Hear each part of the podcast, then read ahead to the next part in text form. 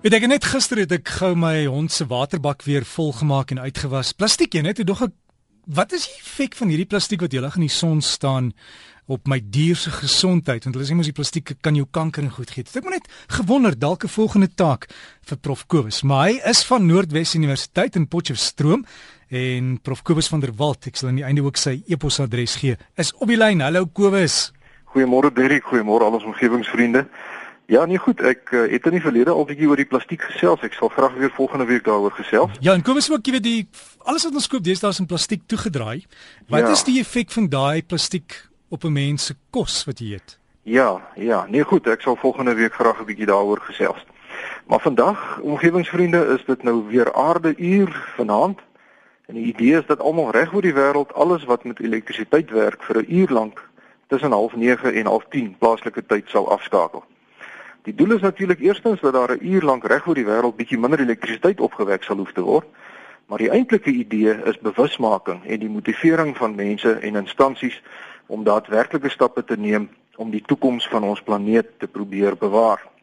Daar is etlike voorbeelde hiervan, soos byvoorbeeld in Uganda waar die regering onlangs 2700 hektaar grond toegewys het aan die aarde se eerste aardeuur woud en hulle het toe al die Ugandese uitgedaag om die grond te beplant met 'n half miljoen bome as teenvoeter vir die 6000 hektaar ontbossing wat elke maand in daardie land plaasvind. Nou baie banke, ministeries, industrieë en ook individue het hierdie uitdaging aangegryp.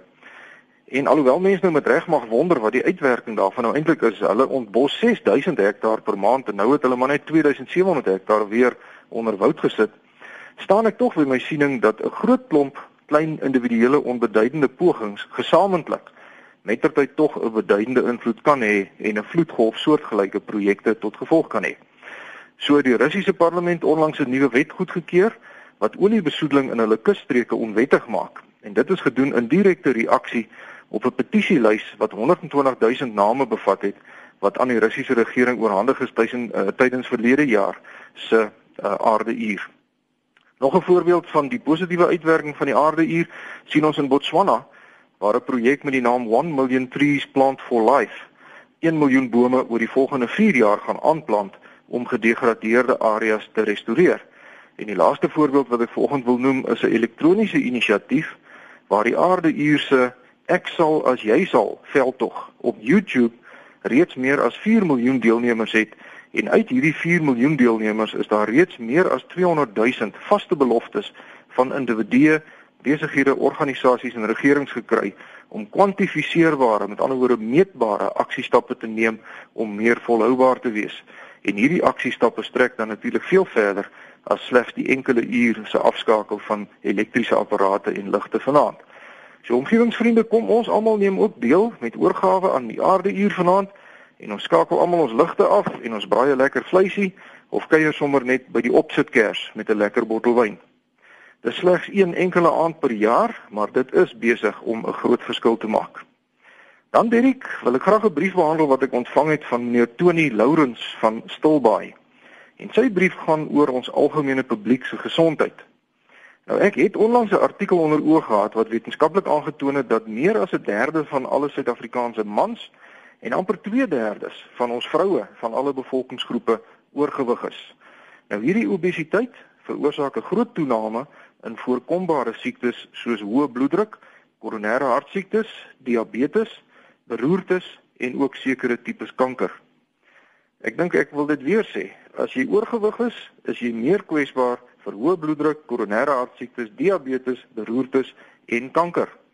Nou skryf meneer Lourens die volgende. Hy sê Hy het in 2011 die tragedie beleef dat hy beide sy vrou en sy oudste seun aan die dood afgestaan het en ons is jammer om dit te hoor meneer Lourens en ons hoop dat u steeds die vertroosting van ons hemelse Vader sal kry daarvoor.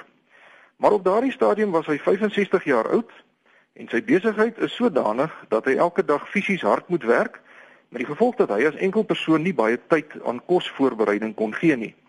Nou, hy het egter besef dat kitskos en toebroodjies hom nie gesond gaan hou nie. En die boek Eet slim vir sport het hom toe op die wenpad 'n uh, wenpad geplaas want hy het gou agtergekom watter hoeveelhede koolhidrate, vette, proteïene, vitamiene en minerale sy liggaam daagliks nodig gehad het om oordentlik te kan funksioneer. Nou hy sê omdat hy 'n liefde vir vrugte het en dit min voorbereiding verg, het hy toe begin om verskillende soorte vrugte saam met muesli en jogurt as sy hoofmaaltyd te gebruik. En saam daarmee het hy verskillende tipes neute en droë vrugte as aanvulling gebruik. Koeldrank is vervang deur goeie kraanwater en gepreserveerde voedsel en ander smulhappies is nie meer deel van sy lewe nie. Hy eet 4 keer op 'n dag kleiner porsies en raak glad nie meer honger nie. Hy het sy gewig afgebring van 104 kg na 92 kg toe en vir sy lengte van 1,9 meter is sy gewig nou net reg. Hy sê hy voel jonger en hy lyk baie jonger want hy het soos hy dit stel 'n papsak verruil vir 'n sixpack. Die vraag wat hy graag aan ons luisteraars wil vra is dit: Eet jy om te leef of leef jy om te eet? Want jy is wat jy eet. Wanneer jy die regte keuse maak, sal jy agterkom dat gesond eet in harmonie is met God se genadegawe vir 'n gesonde liggaam. Nee, Lourens sê hy kan daarvan getuig want 'n dokter sien hy net een keer 'n jaar om bogenoemde te bevestig. Hy eindig sy brief deur te sê dat ons eintlik heeltemal te afhanklik van tegnologie geword het. Hy sê ons is totaal afhanklik van motorvervoer en ons loop nie 100 meter ver as ons eerder kan ry nie. En weet u omgewingsvriende meneer Lourens is reg. Gaan kyk 'n bietjie by die parkeerterreine van winkelsentrums. Mense sal vir minute lank heen en weer ry met hulle motors net om 'n parkeerplek so naby as moontlik aan die deure te kry, terwyl daar 'n hele klomp oop parkeerplekke net 50 tree of 100 tree verder is. So ons ry R5 se petrol uit net om te voorkom dat ons 50 tree verder hoef te loop. 'n Vriend van my wat 'n mediese dokter is, het al vir my gesê hy is al so moeg om mense te behandel vir al die siektes wat met oorgewig verband hou. En hy wens hy kan vir sy pasiënte sê meneer of mevrou, jy eet eenvoudig te veel. Maar as hy dit doen, dan gaan hy sy pasiënte verloor want hulle gaan net na 'n ander dokter toe wat meer simpatiek is. 'n Ander vriend van my is 'n sielkundige en hy gebruik 'n redelike drastiese skokterapie. Hy sê altyd vir oorgewig mense dat dit darm snaaks is dat daar in die konsentrasiekampe van die Tweede Wêreldoorlog geen mense was met ooraktiewe kliere of ander verskonings vir obesiteit nie. Toe almal min kos gekry het, was almal maar. So ek dink regtig ons almal wat sukkel met ons gewig, moet miskien maar 'n slag eerlik met onsself wees en miskien ook die boek Eet slim vir sport lees. Ek het op die internet gekyk en die boek is by verskeie boekwinkels beskikbaar. Google maar net die woorde Eet slim vir sport en so natuurlik 'n hele klomp ander dieete ook. Maar terug by meneer Lourens, baie dankie meneer Tony Lourens van Stilbaai vir u sinvolle bydrae vanoggend en iets wat met hierdie onderwerp verband hou is natuurlik suiker. Ons weet almal dat suiker en ander fyn verwerkte kosse sleg is vir jou en dat dit vermy moet word as jy gewig wil verloor. Maar in die nuutste uitgawe van die Popular Mechanics word daar self sterker uitsprake gemaak oor suiker. Trouwens die opskrif van die artikel is Top 9 reasons to avoid sugar as if your life depended on it. Nou dis sterk gestel, maar die navorsers sê dat suiker so ongesond is dat dit die enkele slegste bestanddeel van die moderne dieet is. Nou hierdie stelling geld natuurlik vir die suiker wat ons oor ons kos strooi en nou nie vir suiker wat natuurlik in vrugte voorkom nie. Nou die redes vir hierdie stelling, die nege redes, eerstens is dit dat suiker benewens glikose ook groot hoeveelhede fruktose bevat wat bloot deur die lewer in vet omgesit word. En dan begin 'n klomp dinge in die liggaam skeefloop. Tweedens bevat suiker geen vitamiene of minerale nie en dit staan daarom bekend as leë kalorieë. En mense wat baie koekies, tertjies en versoete gaskoeldrank inneem, sal vinnige tekort aan verskeie essensiële nutriënte begin ervaar en dit sal jou gesondheid aantas. Derdens veroorsaak suiker dat vet in die lewer ontwikkel wat later kan ontwikkel in nie-alkoholiese vetrige lewersiekte. Vierdens is suiker sleg vir cholesterol en trigliserides omdat die vet wat ontwikkel ryk is aan LDL cholesterol en LDL cholesterol is baie sleg vir enige mens en dit lei tot 'n kort lewensverwagting met swak gesondheid. Vyftens veroorsaak suiker insulienweerstandigheid wat 'n voorloper van obesiteit en diabetes is. Sestens verhoog suiker die risiko om 'n wye verskeidenheid siektes op te doen, soos tipe 2 diabetes en hartsiektes. Die sewende rede is dat die fruktose in suiker jou nooit sal laat voel of jy genoeg geëet het nie. So 'n mens altyd 'n mens eet altyd meer as wat jy eintlik moet eet as jy suiker oor jou kos strooi. Die agste rede is die feit dat suiker verslawend is omdat dopamien in die brein vrygestel word wat 'n gevoel van plesier gee. En toetse op rotte het getoon dat hulle 'n fisiese verslawing ontwikkel, ehm um, soortgelyk aan dwelmverslawing.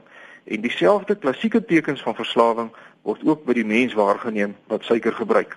En die laaste rede om suiker te vermy is dat die inname van suiker weerstand laat ontwikkel teen 'n hormoon met die naam leptin. Nou leptin word deur vetselle afgeskei en dit gee aan die liggaam die boodskap dat ons moet ophou eet.